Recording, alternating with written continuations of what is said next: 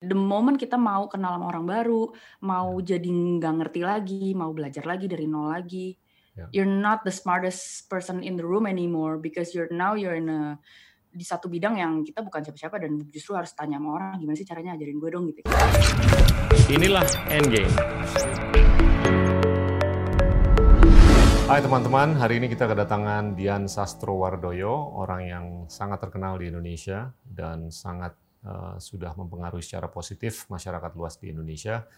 Hari ini kita akan ngobrol banyak dengan Dian uh, mengenai masa kecilnya dan profesinya akhir-akhir ini dan tentunya endgame-nya untuk ke depan. Dian, thank you loh bisa hadir lewat Zoom. Ya. Iya sama-sama Pak. Dian, saya mau tanya nih, eh, Anda kan sekolah di Don Bosco, TK ya? TK. Iya, kalau nggak salah, benar kan? Iya betul betul. Terus betul. ujung-ujungnya SMA-nya di Tarakanita. Nah, tapi Iya. kalau saya lihat tuh ada beberapa sekolah yang Anda lalui. Eh, kenapa kok pindah-pindah?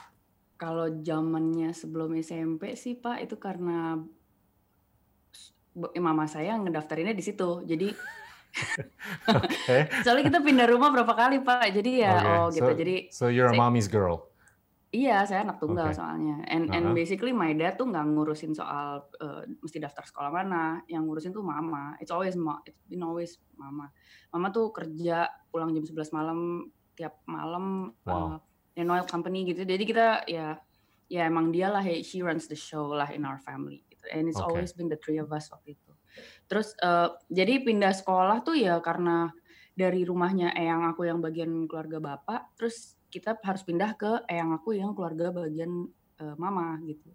Jadi dari Jakarta Selatan pindah ke Jakarta Timur, habis itu pas eh, SMP baru aku dikasih kebebasan eh, after my mom introduced me Stephen Covey Seven Habits of Highly Effective Wow, People. wow. I remember She- that. Iya, iya Yeah. no, and then dia kayak kasih aku the liberty of you actually are entitled untuk bisa menentukan sendiri hidup kamu selama kamu tahu apa aja konsekuensinya dan tanggung jawabnya apa. Kamu bebas mau daftar di sekolah mana aja asal kamu sendiri yang daftar dan ngurus semuanya. Jadi eh, mulai mulai daftar tuh SMP tuh aku maunya masuknya Santa Ursula sebenarnya. Aku Hmm. daftar Santa Ursula, Santo Vincenzius sama Marsudirini.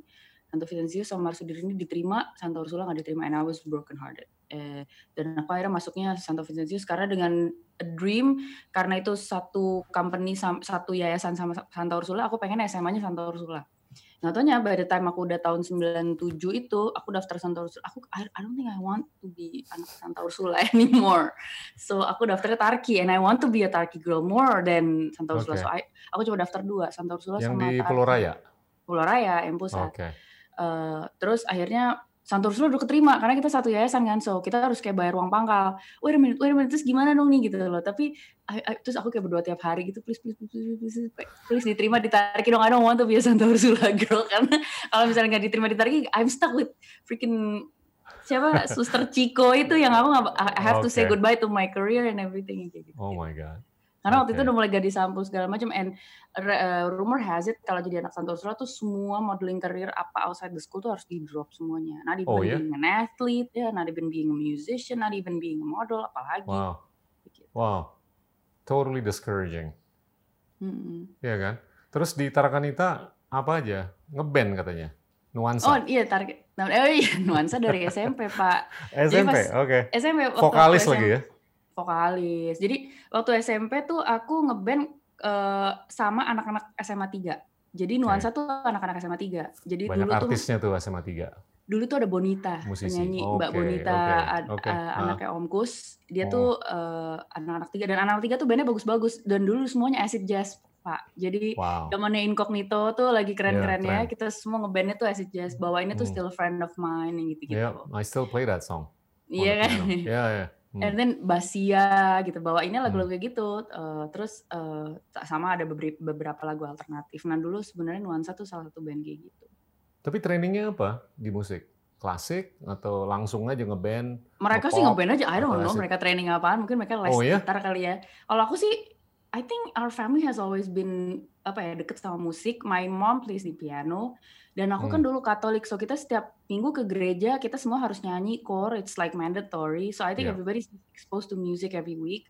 Jadi Hmm. ya, ya emang music has always been a part of our family gitu loh. Kayak Oke. my mom kan punya sisters lima, dia yang pertama, she's the elder. Itu yang empat sistersnya tuh selalu kita jajaran gitu kalau di gereja. Dan mereka setiap kali nyanyi lagu gereja yang kita Katolik ya, bukan Kristen ya. Jadi lumayan lagu-lagu itu lumayan boring gitu, lumayan ya ya the normal itulah gitu. Nah. Mereka tuh bisa pecah suara lima suara sampai kayak, waduh ini kayaknya ini ini, ini gereja Akapela. Katolik apa gereja Batak nih gitu kayak gitu. Mereka akapela yang sampai wah gitu yang kayak oh Nah. oke, Terus aku kadang suka malu gitu. Soalnya mereka yang kayak paling taking over the whole church gitu, choirnya mereka. Terus genre apa aja selain acid jazz? Oh, eh, zaman yang ngeband genre alternatif kayak Sheryl, Sheryl Crow, Alanis Oke. Morissette. Oh, aku dulu du- aku suka banget aku dengerin dulu eh, Pearl Jam, Smashing Hmm. Pumpkins. oke. Eh, Smashing Pumpkins tuh yang yang albumnya eh, Siamese Dream. Jadi dulu Oke. kayak suka banget ya. Tapi terus sempat eh, kan kita expose sama berbagai macam pertemanan ya Pak ya. When you're exposed to some friends atau some boyfriends yang punya eh, aspirasi musik yang lebih itu kita terbuka juga kan horizonnya tiba-tiba jadi mulai dengerin Dave Matthews Band, mulai dengerin Pat Metheny. Jadi tiba-tiba oke. No kidding. I Dengerin know, Pat Metheny. dengerin Wow. Pak. And then aku Wow, I'm dengerin- impressed. ada yang progressive rock tuh apa namanya eh, yang cuma bertiga tuh yang yang yang kalau kita Apa dengerin tuh Yes. kayak Rush. dengerin bukan aduh kayak lagi dengerin Tony Pak Tony Pro Pak siapa sih tuh aduh aku lupa ada namanya musician Indonesia yang rambutnya putih semua pakai partitur tapi kalau kita dengerin tuh yang kayak otaknya ikut muter gitu kayaknya abis nonton itu eh kan denger itu langsung kayak agak lebih pinter dikit You gitu. got me, man. No, I'm lost. Ah. pokoknya gitu deh Eh, bentar, namanya apa sih Dream Theater It- was it Oh, a Dream Theater. Oke. ya ya Saya ya, pikir ya. band Indonesia. Makanya Indonesia tadi juga ada yang kayak gitu. Atau Dulu ada Yes, band- gitu. bapak tahu band Diskus nggak Enggak. bapak cari deh zamannya Oke. kaset ya Oke. itu bapak bangga sih sebagai orang Indonesia ada wow itu Orang semuanya band Indonesia. orang Indonesia semua rata-rata anak Oke. UI Oke. rata-rata semua belajarnya klasik mereka Oke. bikin progressive rock itu dengerin partitur klasik tapi mind blowingly genius sih pak menurut saya Wow. Oke, I'll look it up. Ini kayak cockpit di Indonesia yang mainin lagu-lagunya Genesis gitu. Atau mereka do apa do No. cover atau original? no they they make originals Oh wow, oke. De- Lucu, nggak pernah dengar.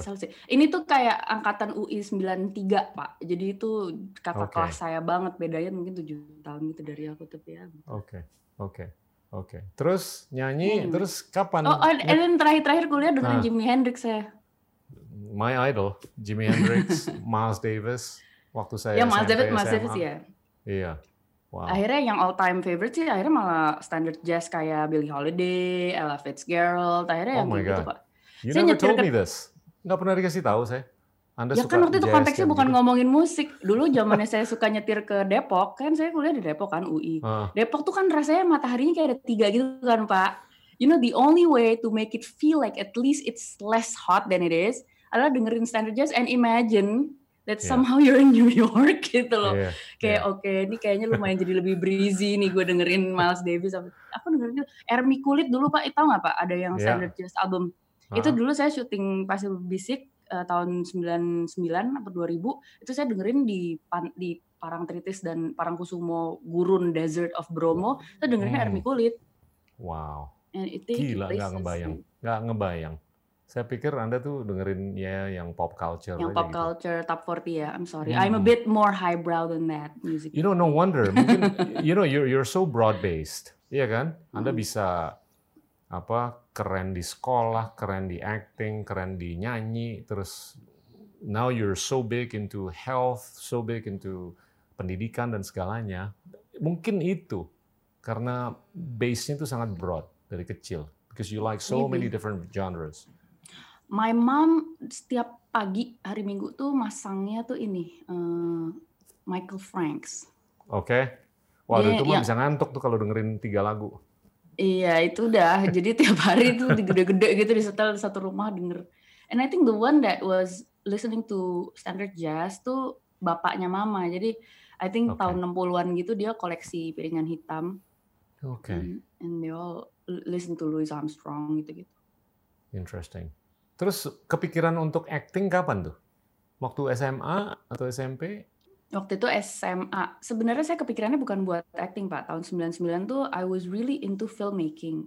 Okay. I watch the movie yang namanya Good Will Hunting, terus ada film-film kayak Dead Poet Society, Great and I would- movies. And I was taken by those movies. My conclusion was ternyata how movies can really rem- apa ya kayak bikin movement, ada movement gitu di dalam uh, psyche kita.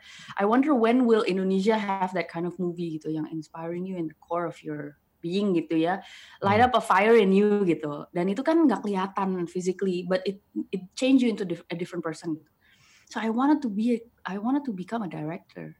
So tiba-tiba, um, I know becoming a director kan harus kayak pendidikan formal apa segala macam. Uh, terus akhirnya aku pengen magang ada satu production film indie namanya Bintang Jatuh, and I apply for asisten sutradara.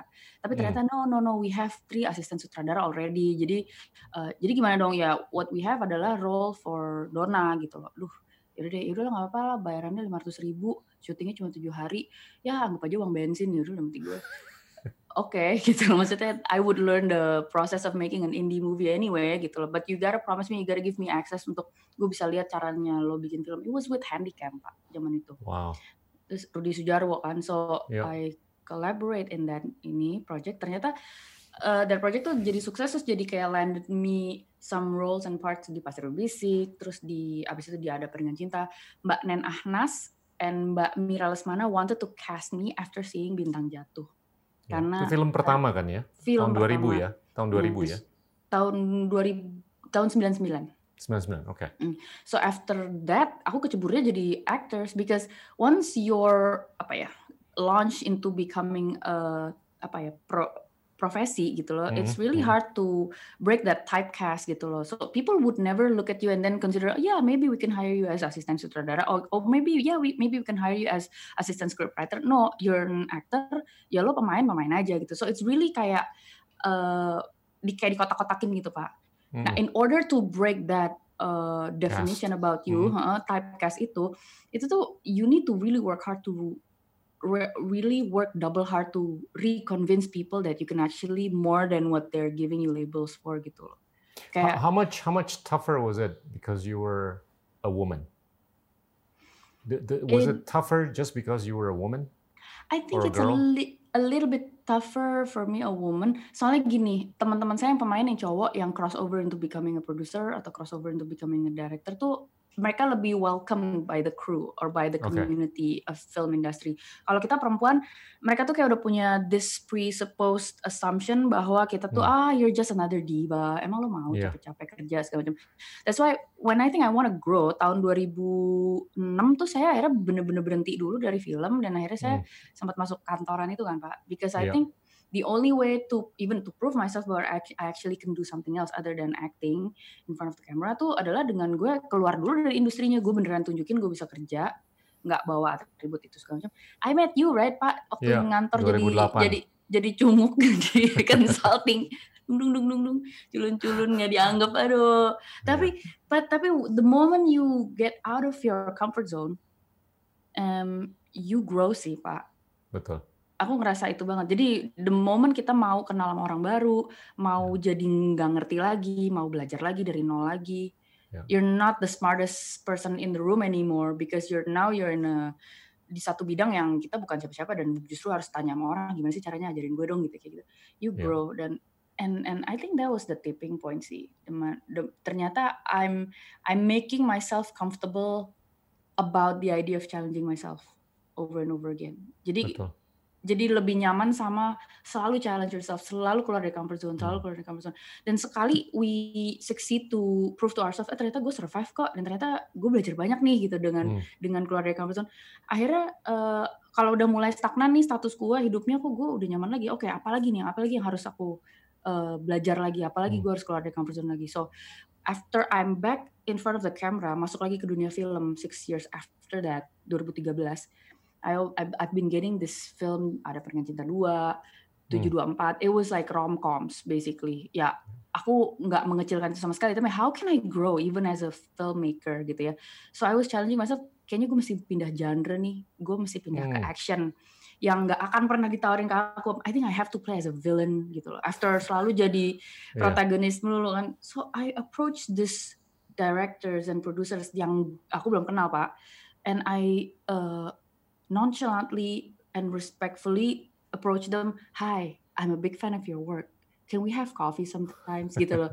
Just to try, try, try my luck gitu loh. Ya kali Iya. aja lo suka sama gue, one day lo bisa consider working with me gitu. I know you don't have any part for me and it's I Ini don't bukan yang dengan The Mo Brothers. The Mo Brothers. Yeah, I He's my, he's my nephew. Oh really? Dari siapa? Dari bapaknya apa dari ibunya? Jadinya ayahnya dia tuh kakaknya istri saya. Oh yang dokter. He's my he's my nephew, Kimo. Oh si Kimo, Kimo iya Iya. Kimo, Kimo and Timo. Ya I approach Timo sih. Oh Timo, oke. Mereka Hmm. kan partneran kalau bikin film Partneran, kadang-kadang. benar-benar. Hmm. But Kimo is really great. Uh, I approach him and learn more about the producing world tentang filmmaking. Tuh belajar banyak dari Kimo. Um, dan aku selalu respect sama orang yang nggak pelit ilmu gitu, yang yang Iya. kasih kasih kasih Bagus, bagus. kayak gitu. Hey, backtrack sedikit. Hmm. Sekolah lulus dari Tarki, terus ke UI, ngambil filsafat. What what what happened? Nyetrum apa di kepala? Sebelum filsafat saya masuk FHUI dulu pak hukum. UI. And Ampun. it on, and it only cuma betah dua semester cuma setahun. IP Kenapa? IP-nya IP-nya nggak nyampe 2,6. I it was really boring IP-nya nggak tinggi mungkin karena nggak tertarik I was kali. I was not engaged. Iya, I was in an dia. auditorium class 500 people satu angkatan belajarnya hukum tata negara Hmm. where the teacher is basically not inspired by its own material gitu loh. Jadi kayak why Iya. would I be my friends tuh kayak titip absen. Terus habis itu ada kayak eh, plagiarisme antara satu I'm not inspired gitu. Jadi akhirnya I'm not gonna fool myself. I'm gonna keluar aja and then try out UMPTN lagi. Pas Iya. yang kedua kali aku coba UMPTN, I thought I still wanna be a filmmaker kan Pak. And how do you learn to be a good filmmaker kalau lo masuknya UI nggak ada jurusan film? So I thought mungkin belajar filsafat it would give you the basics of apa ya structural thinking. So anything that you want to do, become a Wow. writer, become a dosen, or or even a filmmaker or, or a Hmm. writer or a, or Boleh. a director one day punya punya punya you can actually make a philosophical film Top. one day gitu. Jadi Top. filsafat deh. And I haven't regretted. I I'm so grateful that I I I, I was out from the the place yang aku nggak suka. Abis itu belajar lagi di filsafat. I was so engaged. I was so inspired by philosophy. Aku ketemu dosen-dosen kayak Rocky Gerung, ketemu dosen-dosen uh, kayak Gadis Arifia that Hmm. introduces me to this sophisticated world of reasoning, abstract thinking Hmm. yang postmodern thoughts, uh, feminism, uh, and I was so fascinated because they are genuinely fascinated by the materials they teach themselves. Jadi itu Hmm. kelasnya was ve- very intense, less than 20 people, cuma ada 15 orang, so Hmm. nobody can doze off in class. People would, dosen tuh akan, Oh. eh kamu ngelamun, ngerti nggak kamu gini? What's your Yeah. point of view about this uh, thoughts? Gitu. Jadi enak sih lebih kayak gitu Man, daripada you- yang you 500 orang gitu ya. Iya, you you really push the boundaries. Dan oke, eh, kasih tahu deh, kalau kalau sekarang tuh di Indonesia itu menurut anda kita kurang nggak sih philosophers? I think kurang. Soalnya that's Kenapa? critic- critical thinking. I don't know. I don't think it's popular. I think uh, orang Indonesia tetap berpikir bahwa belajar itu adalah it's your ticket to to find a job. That's it. And if you're kalau lo belajar filosofi, there's actually no market for it gitu loh. Agak nggak laku sih Pak pas aku pakai ijazah ngelamar-ngelamar ke ke ke Citibank, ke World Bank gitu itu agak yang okay, explain me again what is philosophy. Eh, eh, That's that's psychology, right? No, it's not psychology. I need to educate people what philosophy is gitu. What what do you think is going to happen in the future philosophy? Kalau kalau saya sih punya pandangan, semakin banyak itu dilakukannya otomasi atau robotisasi, Demand untuk hal-hal yang abstrak seperti filosofi Ya. itu akan meningkat. Iya kan? Untuk Aku seni, setuju. untuk filosofi, iya kan? Eh, akuntan mungkin nggak dibutuhkan lagi 20-30 tahun lagi. Iya kan? Iya, iya. Terus mungkin engineer juga nggak seperti dulu kebutuhannya. Lawyer nggak seperti dulu kebutuhannya. Udah bakal ada aplikasi, kita stuck di mana aja, kita pencet aja, udah ada peraturannya, interpretasinya, terus penegakannya kayak gimana. Iya kan? Yang aku senang sih filsafat ya Pak ya. Jadi kan kita belajar kalau kita mau lulus filsafat kan kita harus bikin skripsi nih. Dan Ya. UI is requirement itu lumayan tinggi lah gitu loh internationally.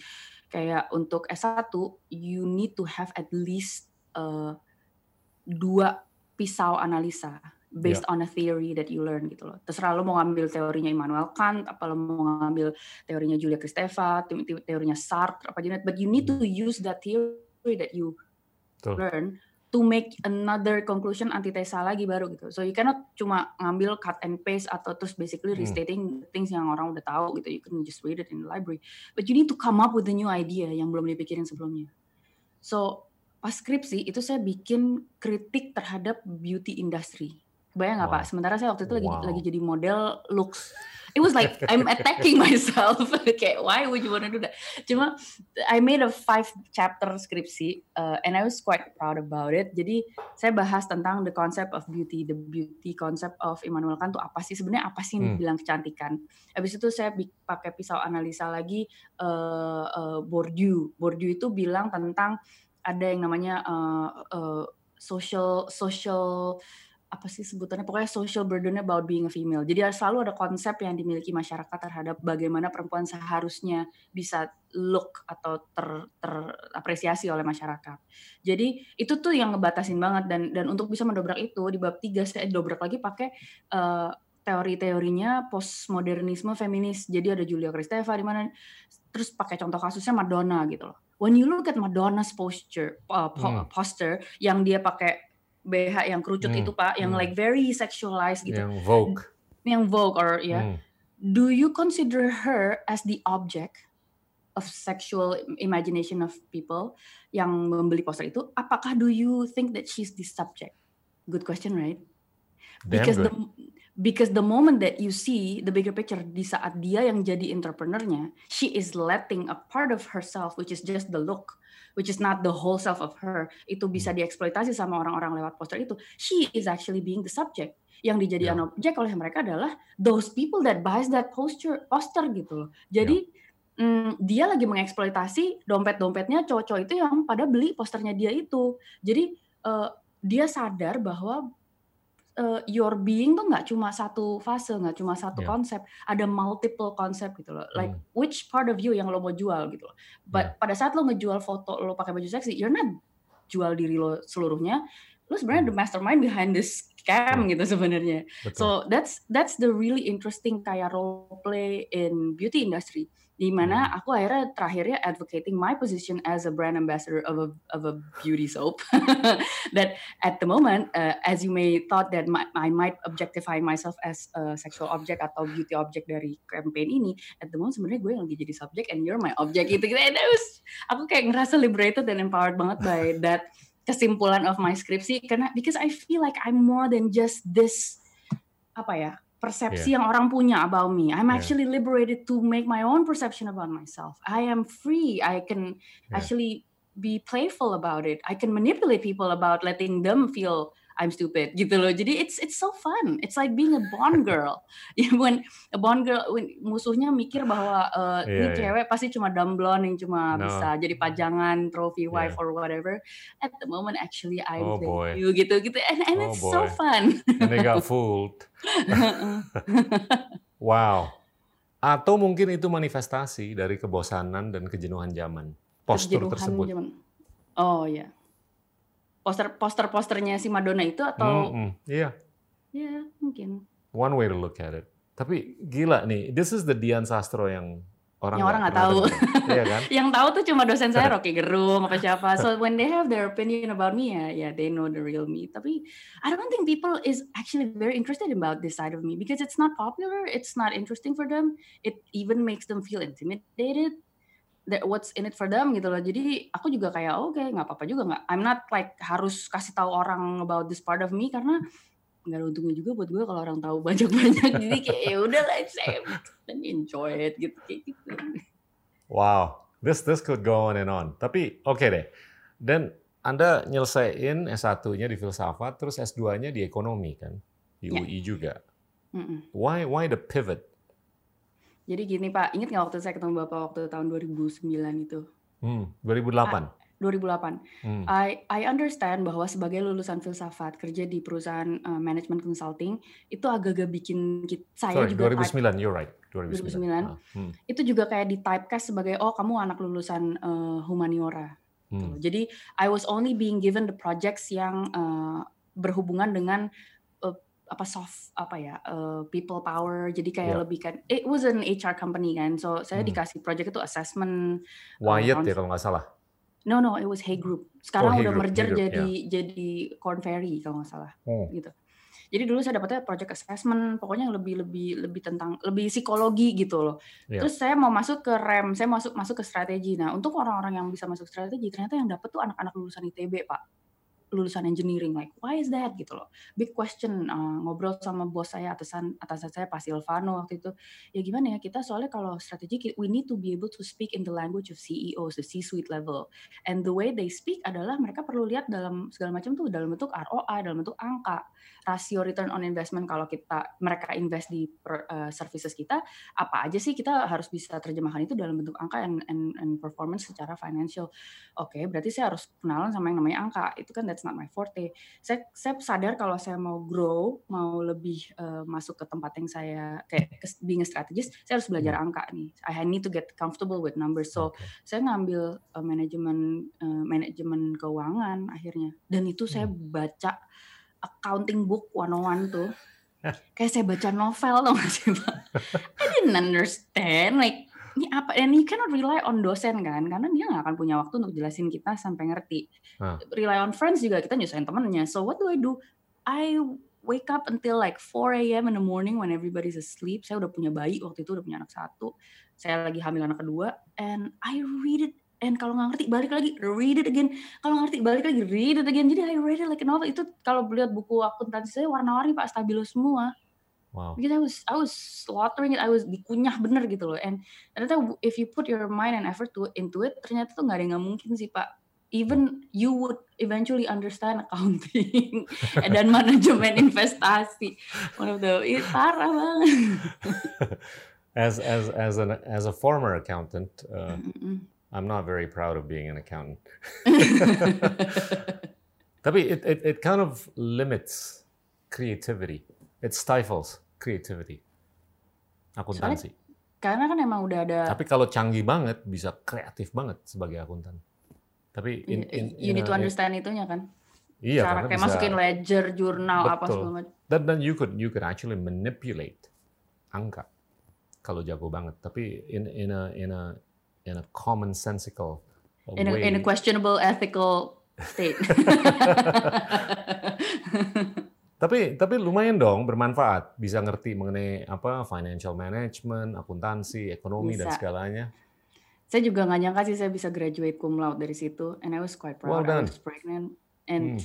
akhirnya dengan knowledge yang saya dapat di situ saya beranikan diri masuk ke film lagi tapi saya stretch lagi saya nggak mau cuma main aja saya mau masuk ke producing that's why karena you're you're more comfortable and now you have the under, uh, the understanding of every business tuh harus balik modal kalau perlu profiting kalau enggak nggak Yeah. sustainable dong so you need to marry your creative idealism sama your business side bahwa ini semua harus balik modal duit investor semua harus balik gitu loh Yeah.